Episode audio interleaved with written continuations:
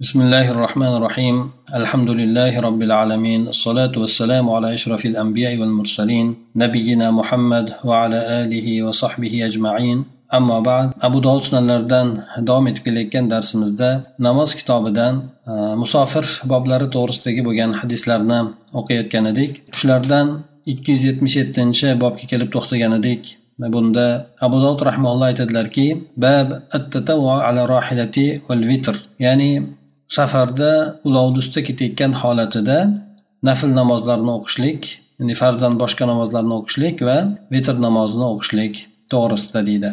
Ya'ni bularni qanday o'qiladi farzdan farqlimi yoki farzdaqa o'qilishligi kerak bo'ladimi?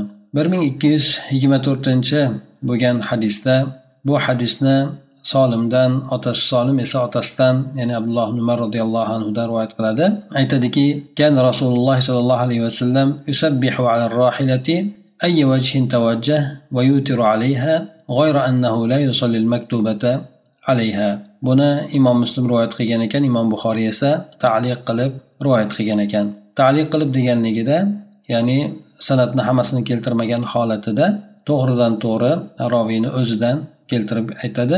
Ana o'sha narsani buxoriy imom buxoriy taliq qilib ba'zi hadislarni keltirib o'tadi. Ya'ni buni bunga taliq qilib keltirishligiga sababi bu ehtimol o'zi sahih hadis bo'lsa ham lekin imom buxoriyni shartiga tushmaganligi uchun bobga zarur deb bilgan o'rinlarida bu kishi taliq holatida bo'lsa ham E, o'sha rivoyatni keltirib o'tadilar. Bu yerda abdulloh umar roziyallohu anhu aytadilarki rasululloh sollallohu alayhi vasallam rohilalarni ustida ya'ni ulovlarni ustida nafl namozlarni o'qiyardilar. Yusabbihu deganni ma'nosi nafl namozlarni o'qishlik degani. Bu qaysi tomonga ulovi yo'naladigan bo'lsa o'sha tomonga qarab o'qiyverardilar deydi. O'sha ulovini ustida vitr namozini ham o'qiyardilar ya'ni o'sha ulovni ustida vitr namozini o'qishligi albatta vitr namozi ham farz vojib namozlardan emas balki sunnat e, namozdan ekanligiga dalil qiluvchilar mana shu payg'ambar sallallohu alayhi vasallamni safarda ulovni ustida o'qiganligini hujjat qilib keltirishadi. E, agar e, bu vojib yoki farz bo'lganida edi uni albatta pastga tushgandan keyin o'qishligi kerak bo'lardi. Lekin payg'ambar sallallohu alayhi vasallam ulovlarni ustida o'qidi bu esa uni sunnat ekanligiga dalolat qiladi deb aytishadi. Lekin mana abdulloh ibn umar roziyallohu anhuda aytgan e, rivoyatlarida keltirib o'tadiki lekin payg'ambar sallallohu alayhi vasallam ulovlarni ustida farz namozni o'qimasdilar deydi. Mana bu hadis payg'ambar sallallohu alayhi vasallam safarda bo'lgan paytlarida ibodatini qay yo'sinda bajarganligini sifatlab o'tyapti. Payg'ambar sallallohu alayhi vasallam demak farz namozlarini yerda tushgandan keyin o'qigan ekanlar safarda bo'lsalar ham sunnat vitr namozlarini esa ketayotgan holatida ulovni ustida ham o'qib ketavergan ekanlar. Mana shuni bu hadis bizga rivoyat qilib o'tyapti. Ana o'shandan buni yana bir masalasi nafl namozini ulovni ustida ham o'qisa bo'laverishligi.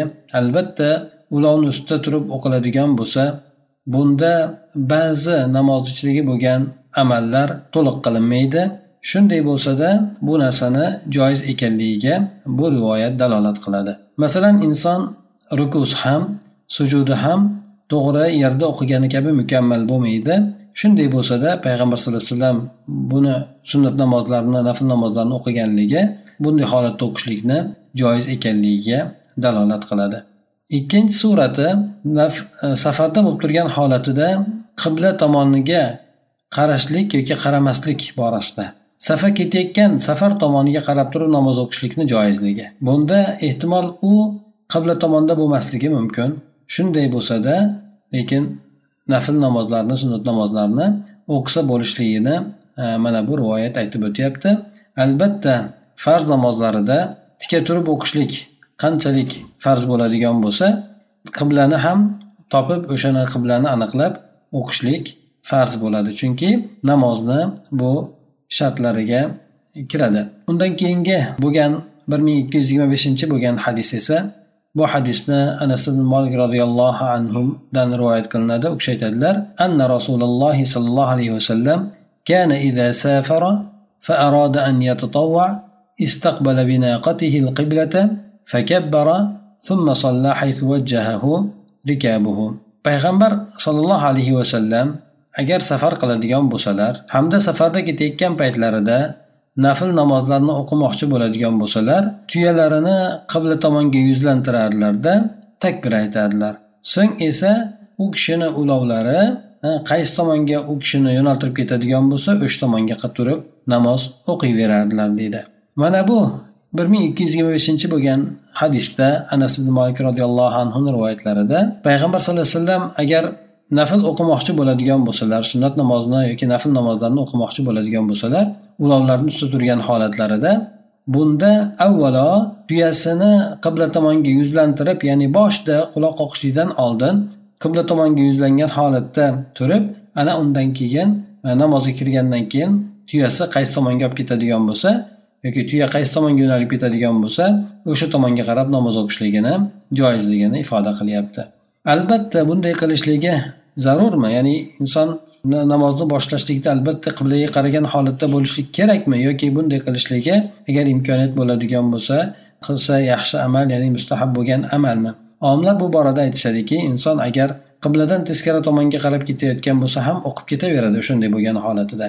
Agar qibla tomonga yuzlanib keyin safarni burib ketishligi imkoniyati bo'ladigan bo'lsa avvalda qibla tomoniga yuzlantirib yuzlatib o'qishligida keyin esa o'sha ulovi olib ketadigan shu yo'l tomoniga qarab ketishligi o'sha tomonga qarab o'qib ketishligi bo'laveradi deb aytishadi. Demak inson namozga kirishlikdan oldin qiblaga yuzlangan holatida bo'ladigan bo'lsa yaxshi ekan. Agar buni imkoniyati bo'lmaydigan bo'lsa albatta o'sha ketayotgan tomoniga qarab o'qib ketishligi bo'laverar ekan. Bu ulov deb keltirilyapti. Albatta bu moshina bo'lsin yoki poyezd bo'lsin yo samolyot bo'lsin yoki boshqa ulovlar bo'lsin bularda ham ana o'shanday inson sunnat nafl namozlarni o'qimoqchi bo'ladigan bo'lsa albatta qibla tomonga qarab turib yurishligi zarur emas ekan. Farz namozlarda bo'lsa albatta qibla tomonni to'g'ri topish kerak. Agar farzdan boshqa namozlarda bo'ladigan bo'lsa bu narsa bo'lishligi yaxshi bo'lar ekan. Lekin agar qibla tomonga yuzlanmaydigan bo'lsa namozlari durust bo'laverar ekan. Ya'ni farzlarni o'ziga yarasha shartlari bor hamda nafl namozlarni o'ziga yarasha imkoniyat bemalolchiliklari bor. Ana o'sha narsalarda bu yerda ba'zi turlarni bu hadislar orqali bayon qilib o'tilyapti. bir ming ikki yuz yigirma oltinchi bo'lgan hadisda esa abdulloh umar roziyallohu anhudan rivoyat qilingan ekan. U kishi aytadilarki رأيت رسول الله صلى الله عليه وسلم يصلي على حماره على حمار وهو متوجه إلى خيبر bu hadisni imom muslim ham rivoyat qilgan ekan abdulloh ibn umar roziyallohu anhu aytgan bu hadislarida payg'ambar sollallohu alayhi vasallamni eshakni ustlarida namoz o'qiyotgan holatida ko'rdim deydilar payg'ambar sallallohu alayhi vasallam esa haybar tomoniga yuzlangan edi ya'ni o'sha tomonga qarab ketayotgan edi deydi bu hadislarida payg'ambar sallallohu alayhi vasallam ulovni ustida turgan holatda namoz o'qiganligi. Bo'lib ham eshakni ustida turgan holatda o'qiganligi. Albatta tuya bo'lsa ot bo'lsa bular go'sha halol bo'lgan hayvonlar e, bularni pok ekanligini e, pok ekanligini anglatadi. Xuddi shuningdek garchi u mingan narsasi eshak bo'ladigan bo'lsa ham go'sht halol bo'lmagan hayvon bo'ladigan bo'lsa ham uni pok ekanligini ustida namoz o'qib ketishlik mumkin ekanligini bu hadis demak anglatadi. Undan keyin esa haybar madinani shimol tomon shimol qismida deb e'tibor qilinadi. Shimol tomon shimolroq bo'lgan tomonda deb e'tibor qilinadi. Shunday bo'lsa makka esa madinani janub tomoni bo'ladi. Ya'ni qibla madinada janub tomon hisoblanadi. Bu haybar e, qabilasi esa e, bu e, shimol tomonda bo'lgan. Demak o'sha shimol tomonga qarab ketayotgan holatida Э, qibla orqasida bo'lib turib payg'ambar alayhisalom o'sha haybar tomoniga qarab turib yuzlanib namoz o'qiganligini bu yerda ko'rganligini rivoyat qiladi. Mana bu e, ham o'sha yuqorida aytib o'tganimizdek e, nafl bo'lgan ibodatlarni e, qibladan boshqa tomonga yuzlangan holatda ham o'qishligi bo'laveradi. Albatta inson imkoniyati bo'lgan holatida qibladan boshqa tomonga yuzlanmaydi. Bu yerda imkoniyati bo'lmaganligidan o'sha qibladan boshqa tomonga yuzlanib o'qisa ham bo'laverishligiga dalolat qiladi. bir ming ikki yuz yigirma yettinchi bo'lgan hadisda bu hadisni jobir ibn abdulloh roziyallohu anhudan rivoyat qilinadi u kishi aytadilarki بعثني رسول الله صلى الله عليه وسلم في حاجة قال فجئت وهو يصلي على راحلته نحو المشرق والسجود أخفض من الركوع meni rasululloh sollallohu alayhi vasallam bir hojatlarda yuborgandilar deb jobir ibn abdulloh roziyallohu anhu aytadilar shunda aytadilarki u kishi yana men kelganimda payg'ambar sallallohu alayhi vasallam mashriq tomoniga qaragan holatda ulovlarni ustida namoz o'qiyardilar dedi. U kishini sajdalari rukulardan ko'ra pastroqqa bo'lar edi. Bu o'rinda ham mana mashriq tomon deb aytib o'tilyapti. Aytib o'tdik qibla madinani janub tomonida hisoblanadi. Mashriq tomonda emas mashriq tomoni ham qibladan boshqa tomon hisoblanadi. Shunday bo'lsada payg'ambar sallallohu alayhi vasallam ulovni ustida turgan holatda namoz o'qiganligini rivoyat qilinyapti. U kishi endi o'tirgan holatda o'qigan paytlarida ruku bilan sajdasini o'rtasidagi farqni ham bayon qilyaptiki bunda u kishini sajdalari rukularidan ko'ra pastroq bo'lardi deydi. Garchi mana rukuda o'sha ketayotgan ulovini e, bosh tomoniga yelka tomoniga boshqa tomonlarga sajda qilmasdilar. Bu narsa shart qilinmaydi. Faqatgina insonni o'zini ishora qilishligi kallasini pasaytirib turib garchi bir narsaga tegmasa ham ishora qilishligi kifoya qiladi. Albatta boshi o'tirib o'qiyotgan paytida e, bir narsaga tegishligi shart qilinmaydi. Lekin to'liq namoz o'qiyotgan paytida albatta yerga bosh tegishligi shart qilinadi. Ya'ni yetti a'zosi sajdaga tekkan sajda yerga tekkan bo'lishligi shart qilinadi. Lekin o'tirib o'qigan odamda boshini yerga tegishligi shart qilinmaydi. Ikki yuz yetmish sakkizinchi bo'lgan bobda esa abu dovud rahmaulloh aytadilar babu al faridatu ala rohilati min uzrin. Ya'ni ulovni ustida farz namozni o'qishlik. Uzrdan farz namozni o'qishlik mumkinmi yoki mumkin emasmi? Ba'zi abu dovud sunanlarini ba'zi nusxalarida ba'zi qo'lyozmalarda min g'oyri uzrinam deb kelgan ekan uzrsiz o'qishlik mumkinmi degan mazmunda. bir ming ikki yuz yigirma sakkizinchi bo'lgan hadis bu hadisni ato ibn abi raboh rahimaulloh aytadilarki bu yerda u kishi oysha onamizdan so'ragan ekanlar هل رخص للنساء أن يصلين على الدواب قالت لم يرخص لهن في ذلك في شدة ولا رخاء قال محمد هذا في المكتوبة ato ibn abi raboh rahimaulloh oysha onamizdan so'ragan ekanlarki ayollar uchun ulovni tepasida turgan holatda namoz o'qishliklariga ruxsat berilganmi ya'ni albatta bu farz namozi haqida gap ketyapti. Chunki payg'ambar sallallohu alayhi vasallam sunnat namozlarini hatto vitr namozini ham o'qiganligi rivoyat qilingan. Buni bilishlik e, bu ma'lum mashhur bo'lgan narsa bo'lgan. Lekin bu kishi so'rayotgan narsa farz namoziga ruxsat berilganmi dedi ayollar. Namozda o'sha ulovlarni ustida ya'ni havdajda yoki ulovlarni ustida turgan holatlarda o'qishliklari joizmidi? Bunda albatta ayol kishi tika turgan holatda o'qiyolmaydi o'tirgan holatda o'qishligi kerak bo'ladi. Ana o'shanga ruxsat berilganmidi farz namozlarni ham o'qishlikka deganda? Oysha onamiz aytadilarki ayollar uchun bu narsada qiyinchilik bo'lgan holatda ham bemalol qiyinchilik bo'lgan farovonlik bo'lgan holatida ham ruxsat berilmagan deb javob qilgan ekanlar. Roviylardan birlari muhammad aytadilarki bu farz namozi borasida edi deb keltirib o'tadi. Oysha onamizni bergan javoblari ayollar uchun har qanday holatda ham o'tirib o'qishliklariga ularni ustida ruxsat berilmagan. Ya'ni imkoniyati bo'lib turgan holatida albatta e, ulovni tepasida turgan holatda o'qilmaydi. Agar insonni imkoniyati bo'lmaydigan bo'lsa bunda ulovni ustida turgan holatda o'qishlikka ham ruxsat beriladi. Masalan payg'ambar sallallohu alayhi vasallamni davrlarida ham bir bo'lgan deydi. E, yerga suv ko'p yoqqanligidan inson yerda sajda qilishligi imkoniyati umuman bo'lmaganligidan tushib namoz o'qishligi yelkachkacha bo'lib ketganligidan ana o'shanda allohu alam ulovni ustida turib o'qishlikka ruxsat berilgan deb aytishadi. Bu judayam nodir bo'lgan holat. Albatta inson boshi yerga o'rnashib turadigan hamda bemalol o'qiydigan joyni izlashlikka harakat qilishi kerak bo'ladi. Ana o'shanday imkoniyati bo'lmaydigan bo'lsa unda o'tirgan holatda o'qishligi mumkin bo'laveradi. Bu masalan samolyotda bo'lsin yoki qayiqda bo'lsin yoki bo'lmasa ba'zan agar imkoniyati bo'lmaydigan bo'lsa avtobusda yoki poyezd shunga o'xshagan narsalarda ham qilishlik mumkin bo'ladi.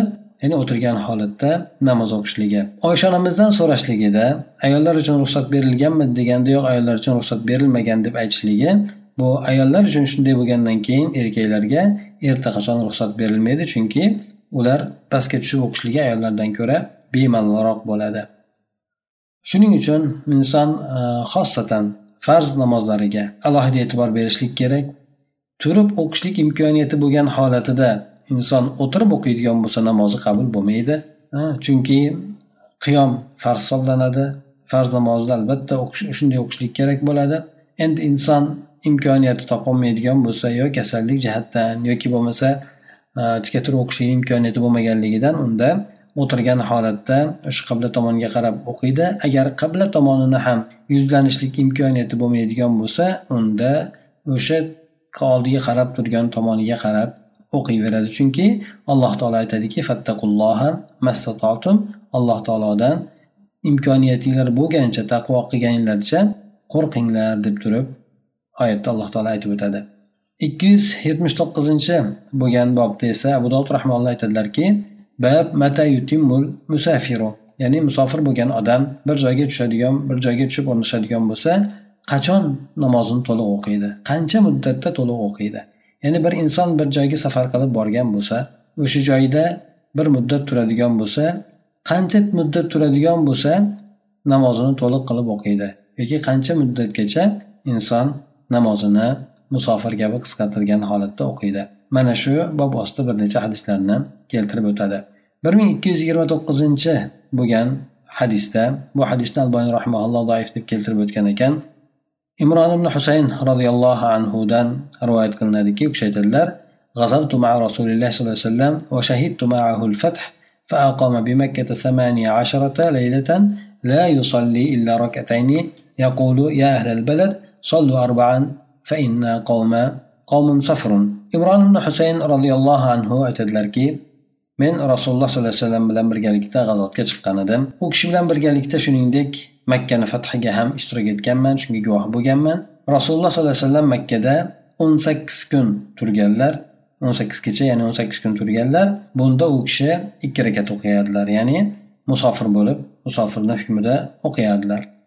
Yana aytadiki payg'ambar sallallohu alayhi vasallam namoz o'qigandan keyin ey shahar ahli sizlar to'rt rakat o'qinglar biz safar musofir bo'lgan qavmimiz deb qo'yardilar deydi. Ya'ni imom bo'ladigan bo'lsalar salom bergandan keyin o'sha turib ketib to'rt rakat o'qishlik kerak bo'lgan odamlarga nisbatan xitob qilib aytar ekanlarki sizlar namozni to'liq qilinglar biz qisqa o'qishligimizni sababi biz musofir bo'lgan qavmlarmiz deb.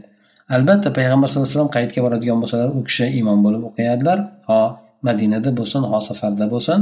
Ana o'shandan safarda ham imomlik qilganligidan bu kishi qolganlarga o'zini safar ahlidan ekanligi musofir bo'lgan odam shu bilan kifoyalanishligi muqimlar esa undan keyin namozni to'ldirib e, shu to'rt rakat qilib qo'yishligi to'g'risida e, ularga aytib o'tgan ekanlar. Bu hadisni doif deb keltiradi lekin e, ba'zi olimlar nazdida bu hadis doif emas. Lekin nima bo'lganda ham bu yerda payg'ambar sallallohu alayhi vasallam makkani fathida o'n sakkiz kun turib ikki rakat namoz o'qiganligi to'g'risida aytib o'tilyapti. Ya'ni o'n sakkiz kun inson bir joyda turadigan bo'lsa unda musofir hukmida bo'lishligi to'g'risida bu yerda aytib o'tilyapti.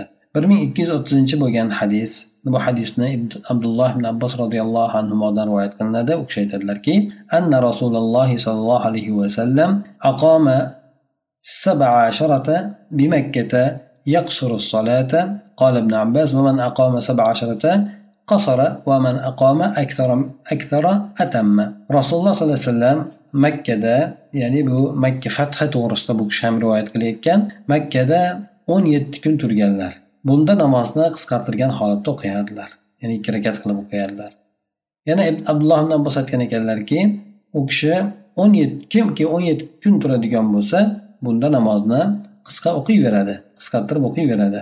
Kimki undan ko'ra ko'proq turadigan bo'lsa unda namozini to'liq o'qiydi deb aytgan ekanlar. Mana bu hadisda abdulloh ibn abbos roziyallohu anhu payg'ambar sallallohu alayhi vasallam makka fathida makkada o'n yetti kun turganligi to'g'risida aytib o'tyaptilar. Yuqorida mana o'n sakkiz kun deb keltirib o'tilgan edi bu yerda esa o'n yetti kun turganlar deb aytib o'tilyapti. Yana undan keyingi abu dovud rahmalloh keltirib o'tyaptiki boshqa bir rivoyatda esa ikrimadan ikrima esa abdulloh ibn abbos roziyallohu anhudan qilgan rivoyatlarida ya'ni boshqa bir rivoyatda aytib o'tadilarki aqoma tisa asharata hmm? imom buxoriy lafzi bilan esa tisa ashara mana shunday rivoyat qilingan ekan ya'ni abdulloh ibn abbosdan boshqa rivoyatda o'n to'qqiz kun turganlar deb imom buxoriyni e, rivoyatida esa o'sha tisoashara ya'ni oxiridagi tni yo'q bo'lish bilan bu ham o'n to'qqiz kun turganligini ifoda qiladi. Mana shuni abu dovud rahimalloh rojih deb keltiradi. Bu esa uchta hadisdan keyin bu gap bu to'g'risida gap o'tadi deb keltiryapti. Ya'ni abdulloh ibn abbos roziyallohu anhudan turli rivoyat kelgan ekan. Bu kishi payg'ambar sallallohu alayhi vasallamni makka fathida qancha muddat turganligi ba'zi rivoyatlarga binoan u kishi u yerda o'n yetti kun turganligi boshqa bir rivoyatlarga binoan esa o'n to'qqiz kun turganligi mana doif rivoyat bilan o'n sakkiz kun turganligi kelib o'tdi. Imron husayn roziyallohu anhuni rivoyatida. Undan tashqari yana o'n besh kun rivoyat turganligi to'g'risidagi rivoyat ham keladi. Mana bu rivoyatlarni ichida eng kuchliroq bo'lgani ya'ni sahiyroq bo'lgani bu o'n to'qqiz kun turganligini aytib o'tishadi. o'n yetti kun turganlarida aytadiki o'n to'qqiz kun turganligidan payg'ambar alayhissalom kirdi hamda chiqdi. Bo'lgan kunni hisoblamaganda o'n yetti kun bo'ladi. Ba'zilar esa o'n yetti kun deb turganligidan keyin keyin yana ikki kunni olib tashlagan kirdi chiqdi kunni olib tashlagan shu bilan o'n besh kun qolgan. O'sha abdulloh ibn abbos roziyallohu anhudan rivoyat qilingan. Kimki o'n besh kun turadigan bo'lsa o'n besh kungacha turadigan bo'lsa musofir hukmida bo'ladi. O'n besh kundan ko'p bo'ladigan bo'lsa muqim hukmida bo'ladi degan mazmundagi rivoyatlarga asoslangan holatda ba'zi mazhab olimlari shu o'n besh kun turadigan bo'lsa undan keyin o'n besh kun turishlikni niyat qilgan bo'lsa yoki undan ko'ra ko'proq turishni niyat qilgan bo'lsa inson muqim o'qiydi. Agar undan kamroq bo'ladigan bo'lsa turib o'qishligida o'sha kamroq turishligida musofir hukmida bo'ladi nafarlar namozlarni qisqartirgan holatda o'qiydi deb aytishadi.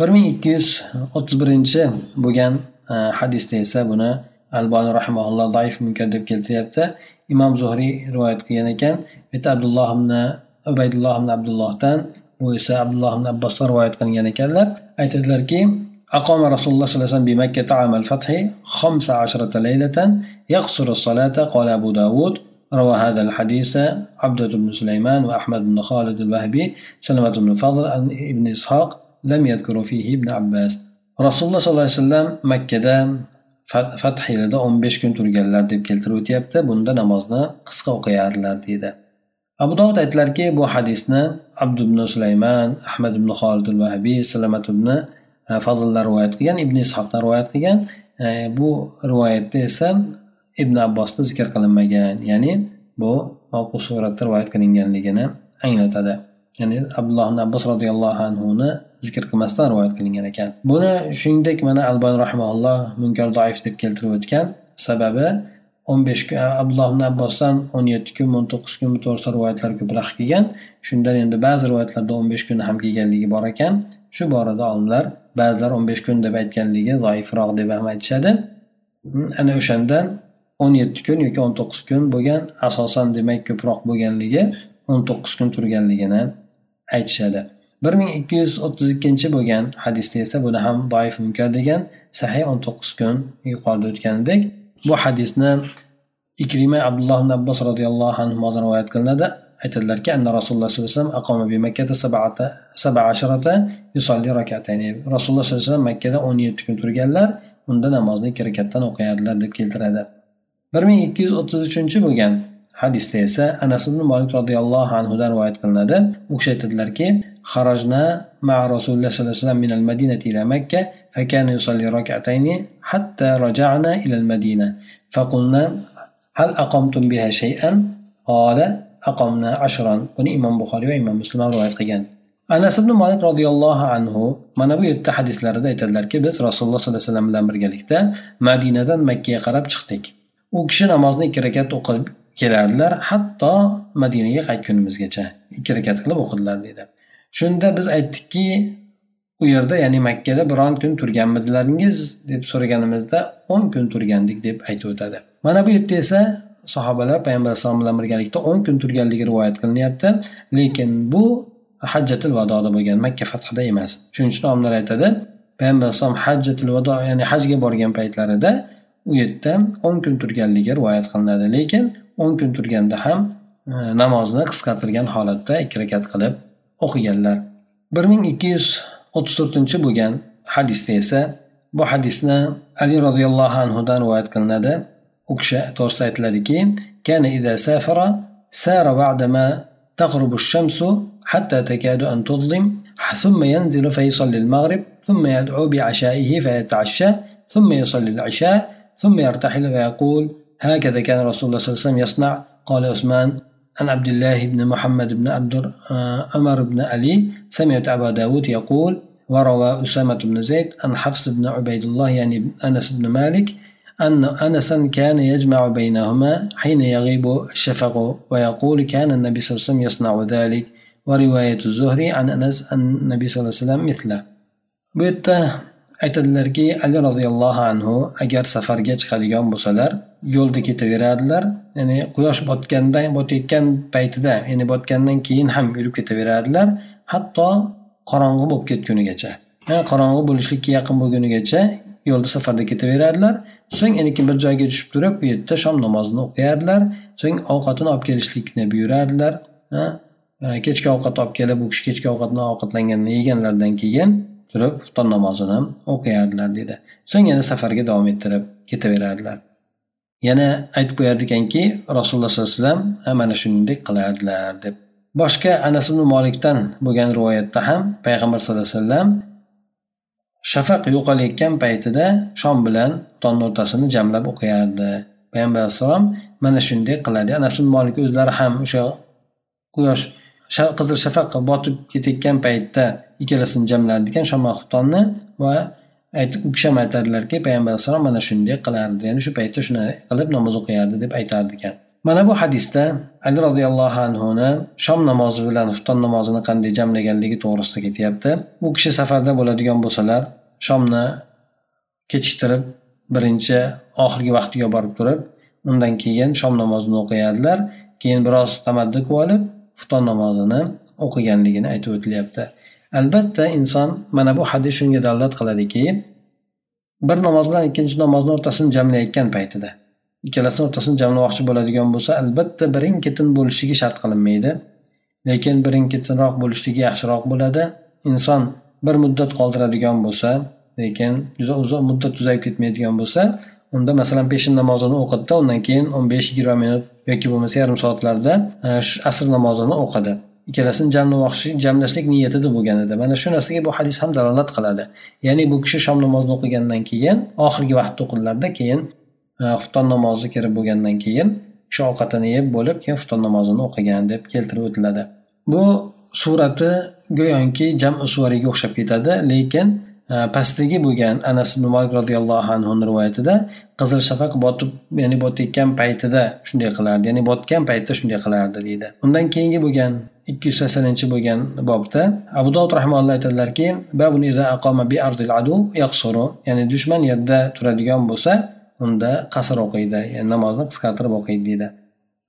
bir ming ikki yuz o'ttiz beshinchi bo'lgan hadis bu hadisni jobir ibn abdulloh roziyallohu anhudan rivoyat qilinadi u kishi aytadilarki أقام رسول الله صلى الله عليه وسلم بتبوك عشرين يوما يقصر الصلاة قال أبو داود غير معمر لا يسنده rasululloh sollallohu alayhi vasallam tabukda yigirma kun turdilar u yerda namozni qisqartirgan holatda o'qiyardilar abu dovud aytadilarki mamardan boshqasi bu hadisni isnodini to'liq keltirmagan ya'ni payg'ambar alayhissalomgacha isnod qilib keltirmagan u kishidan boshqasi ya'ni bu yerda mamarni kelgan rivoyatida payg'ambar alayhissalomni o'zidan san'atdan rivoyat qilinayotganligi aytilyapti. Hop bu yerdagi yuqorida aytib o'tgan hadislarimizdan inson qancha bir joyda niyat e, iqomatni niyat qiladigan bo'lsa ana o'shandan keyin to'liq o'qishligi kerak bo'ladi. Qanchagacha inson qancha turmoqchi bo'ladigan bo'lsa qasr o'qiydi o'sha muddat tugagandan keyin e, muqimlik hisobiga o'tadida namozni to'liq o'qiydi. Bu borada olimlarni juda ko'p ixtilofi bor ekan. Taxminan yigirmaga yaqin e, so'z ixtilof har xil so'zlar aytilgan ekan bu bora masalasida hukmlar aytilgan. Bulardan mana mashhur bo'lganlari imom ahmadni mazhablarida keltirib o'tiladiki bu kishini mazhabiga ko'ra inson bir joyda to'rt kun turishlikni niyat qiladigan bo'lsa u inson u yerda namozlarini to'liq o'qiydi deydi. To'rt kun turadigan bo'lsa ya'ni yigirma bir vaqt namozda turadigan bo'lsa yigirma vaqt to'rt kun bo'ladi yigirma bir vaqt namozga turadigan bo'lsa bu yerda yigirma bir vaqtdan keyin inson namozini to'liq o'qiydi. Ya'ni o'shuncha kun turishlikni niyat qilgan odam namozini to'liq o'qiyveradi deb keltirib o'tadi. Ikkinchi gap esa to'rt kundan ortiq bo'ladigan bo'lsa ya'ni kirdi chiqdi kunni hisoblamagan holatida inson bir joyda to'rt kun hisob turib turadigan bo'lsa ya'ni bu hammasi bo'lib olti kun bo'ladi. Ana o'shandek niyat qiladigan bo'lsa bu inson to'liq o'qiydi deydi. Bu imom molik e, imom molikdan imom shofiydan qilingan rivoyat deb aytiladi. Aytilgan so'zlar deb aytiladi. Bundan boshqa yana o'n besh kun agar inson bir joyda turishlikni niyat qilgan bo'lsa ungacha o'n besh kundan oz bo'ladigan bo'lsa qasr o'qiyveradi. Agar o'n besh kun turishlikni niyat qilgan bo'lsa avvaldan yoki undan ko'ra ko'proq turishlikni niyat qilgan bo'lsa boshdan boshlab namozini to'liq o'qiyveradi deb yana olimlar aytishadi. Buni esa e, abu hanifa rahimallohni mazhablarida u kishini so'zlari bilan olingan. Yana bundan tashqari o'n yetti kun turadigan bo'lsa yoki o'n to'qqiz kun turadigan bo'lsa degan boshqa gaplar hamki boshqa gaplarni ham olimlar aytishgan hattoki bir kecha kunduz turadigan bo'lsa deb yoki uch kun tursa bo'ladigan deb ham boshqa olimlar tomonidan aytilgan deydi.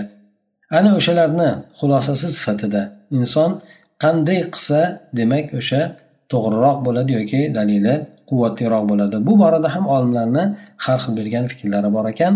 Bu yerda agar e, sahobalarni rivoyatlariga qaraladigan bo'lsa bular ya'ni payg'ambar sallallohu alayhi vasallamda o'zlaridan agar inson falon joyda inson turishlik niyat qilgan bo'lsa hamda faloncha kun turadigan bo'lsa albatta u inson muqim hisoblanadi. Yoki bo'lmasa agar faloncha kuncha u turaveradigan bo'lsa bunda musofir hukmida bo'ladi degan rivoyat kelmagan ekan. Balki aytilayotgan olimlarni berayotgan hukmlari fatvolari yoki sahobalarni ham fatvolari o'sha payg'ambar sallallohu alayhi vasallam ittifoqan u kishidan sodir bo'lgan holatlarga qarab bo'lgan. Mana aytaylik e, mana o'n kun turganligi payg'ambar alayhissalomni makkada hajat vadoga borganligida bu yerda esa ba'zilar o'n kun emas balki payg'ambar alayhisalom makkani o'zida to'rt kun turgan keyin keyin arafotga mino boshqalarga borib e, turganlar lekin makkani o'zida to'rt kun turganlar shuning uchun to'rt kundan inson to'rt kun turganligi uchun qasr o'qiganlar agar to'rt kundan bitta namoz oshiradigan bo'lsa ham unda inson muqim hisoblanadi deb imom ahmad mazhablarida aytiladi. Shunga dalil qo'ygan holatda aytishadi lekin bu ham payg'ambar sallallohu alayhi vasallamdan qasddan emas balki ittifoqan e, ittifoqan bo'lgan bu narsa. Undan tashqari rasululloh sollallohu alayhi vasallam makkada to'rt kun bo'lgan bo'lsalar o'zlari lekin u kishidan oldin bir ikki kun oldin yoki bir necha kun oldindan kelib makkada turgan boshqa joydan kelgan musofir bo'lgan hojilarga to'liq o'qinglar deb payg'ambar sallallohu alayhi vasallam buyurmaganlar mana shundan to'rt kun turganligi payg'ambar alayhissalomni qasddan emas balki ittifoqan bo'lganligi hamda ana shuning uchun bu kishi bu yerda to'rt kun muddatda qasr o'qiyverganligini boshqa olimlar aytib o'tishadi. O'n besh kun masalasi esa o'n besh kun masalasi abdulloh ibn abbos roziyallohu anhudan rivoyat qilingan ekan. U kishi o'n besh kun inson bir joyda turadigan bo'lsa Э, undan ozroq turadigan bo'lsa qasr o'qiyveradi o'n besh kundan turishlikni niyat qilgan bo'lsa ko'proq turishlikni niyat qilgan bo'lsa unda muqim bo'ladi degan mazmunda abdulloh ibn abbos roziyallohu anhuni o'zlaridan kelgan fatvolari bor ekan. Lekin mana yuqoridagi bo'lgan rivoyatlarda ham keltirib o'tildi. U kishidan o'n besh kun o'n yetti kun o'n to'qqiz kun degan rivoyatlar hamda o'n to'qqiz kun to'g'risidagi bo'lgan rivoyatlar u kishini u kishidan kelgan e, ko'proq rivoyatlari sahiyroq kelgan. Ekan o'n to'qqiz kun bo'lish bo'lib payg'ambar alayhissalom shu o'n to'qqiz kun turganligi hamda shunga qarab turib u kishi ham shuncha muddatda aytganligi. Undan tashqari yana abdulloh umar roziyallohu anhu modan ham shu o'n besh kunga yaqin bo'lgan gap ham rivoyat qilinganligi. Undan tashqari bu kishidan o'n ikki kun turadigan bo'lsa o'sha o'n ikki kun turgan turishlik niyat qiladigan bo'lsa inson muqim sanalaveradi namozini to'liq o'qiydi. Lekin ungacha inson qasr o'qisa ham bo'laveradi deb aytganligi bor ekan. Bundan tashqari yana ba'zi olimlarni gaplari bor. Inson bir joyda muqimlikni niyat qiladigan bo'lsa bir muddat o'sha muqim turishlikni niyat qiladigan bo'lsa bunda u inson o'sha yerda turgan mustavtinga ya'ni o'sha joyni vatan qilib olib turgan odamga o'xshab ketadi. Shu bu odamni hukmi o'sha yerdagi muqim odamlarni hukmidaqa bo'ladi. Bu odam namozlarini to'liq o'qiyveradi deydi. Lekin inson bunga xosatan mana ishlagani borganlar o'qigani borganlar bir uzoq muddat o'sha yerda bir muqim turishlikni hukm qilishadi. Garchi shu joylik bo'lib ketmasa ham lekin o'sha joyni bir muddat vatan qilib turishadi. Bularni hukmi muqimlarni hukmi kabi bo'ladi. Chunki muomalasi ham ba'zi yashash joy boshqa narsalarda muqimlar kabi e, qaraladi. Lekin inson agar bir joyga borsayu lekin u yerda muqimlikni niyat qilmaydigan bo'lsa ishini bitirib ketadigan bo'lsa bir ish bilan kelgan masalan bir tovar olib kelib sotgani kelgan lekin u inson tovarini sotib ketadi.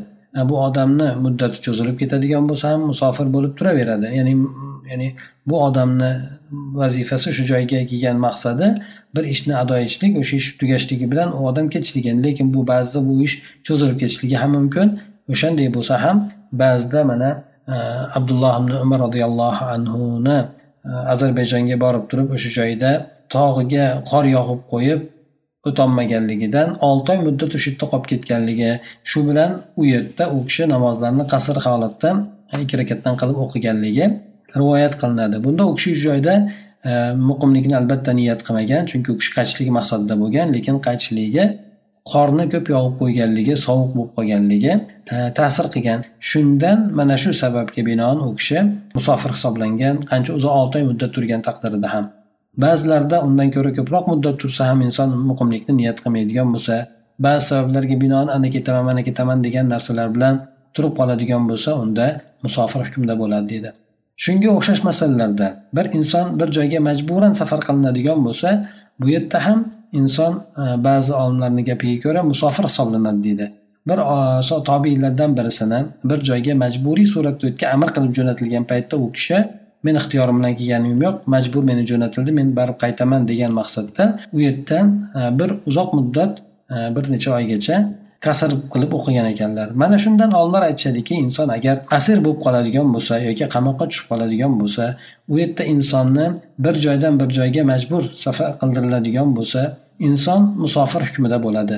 Ana o'shanga ko'ra u yerda turgan odam ya'ni bundan tashqari ya'ni inson o'zini ixtiyori yo'q u yerda. Bir muddat turib turib uni xohlagan joyga u yerga bu yerga jo'natishligi ham mumkin. Shundan bu odam musofir hukmida bo'ladida. Bu odam e, nima qilishligi mumkin? Namozlarni qasr o'qishligi mumkin. Bundan tashqari ro'za ham u musofir bo'lganligidan ehtimol u joyda tutishlik imkoni bo'lmaydigan bo'lsa tashqariga chiqqanda tutishligi ham bo'laveradi. Shunaqa demak e, nima insonni e, xosatan qamoqda bo'ladigan yoki asir bo'ladigan odamlarni ham o'ziga yarasha yengilliklari to'g'risida ba'zi olimlar aytib o'tadi. Lekin bu to'g'risida boshqa olimlarni boshqa aytgan fikrlari ham bor. Inson albatta qamoqda bo'ladigan bo'lsa yoki asir bo'ladigan bo'lsa o'ziga yarasha bir torlik bir holatiga tushib qoladi. Ana o'shanday bo'lgan o'rinlarda ba'zan insonga mana shunday e, namozlarni musofir holatda o'qishligi ham e, kerak bo'lib qoladi. Mana payg'ambar alayhisalomdan bundan keyingi bo'lgan boblarda aytib o'tiladi. Inshaalloh qo'rquv namozini qanday o'qiganligi hamda qo'rquv namozi ham o'sha urush dushman bilan ro'baro bo'lib turgan paytda mashru qilingan uni ham e, quyida mana hadislarini aytib o'tiladi. Bu ham o'sha musulmonlarga bo'lgan qiyinchilik holatidagi yengilliklardan birisi sanaladi. Subhanak allohumma va bihamdik nashhadu an la ilaha illa anta nastag'firuka va atubu ilayk. Allohumma anfa'na bima 'allamtana va 'allimna ma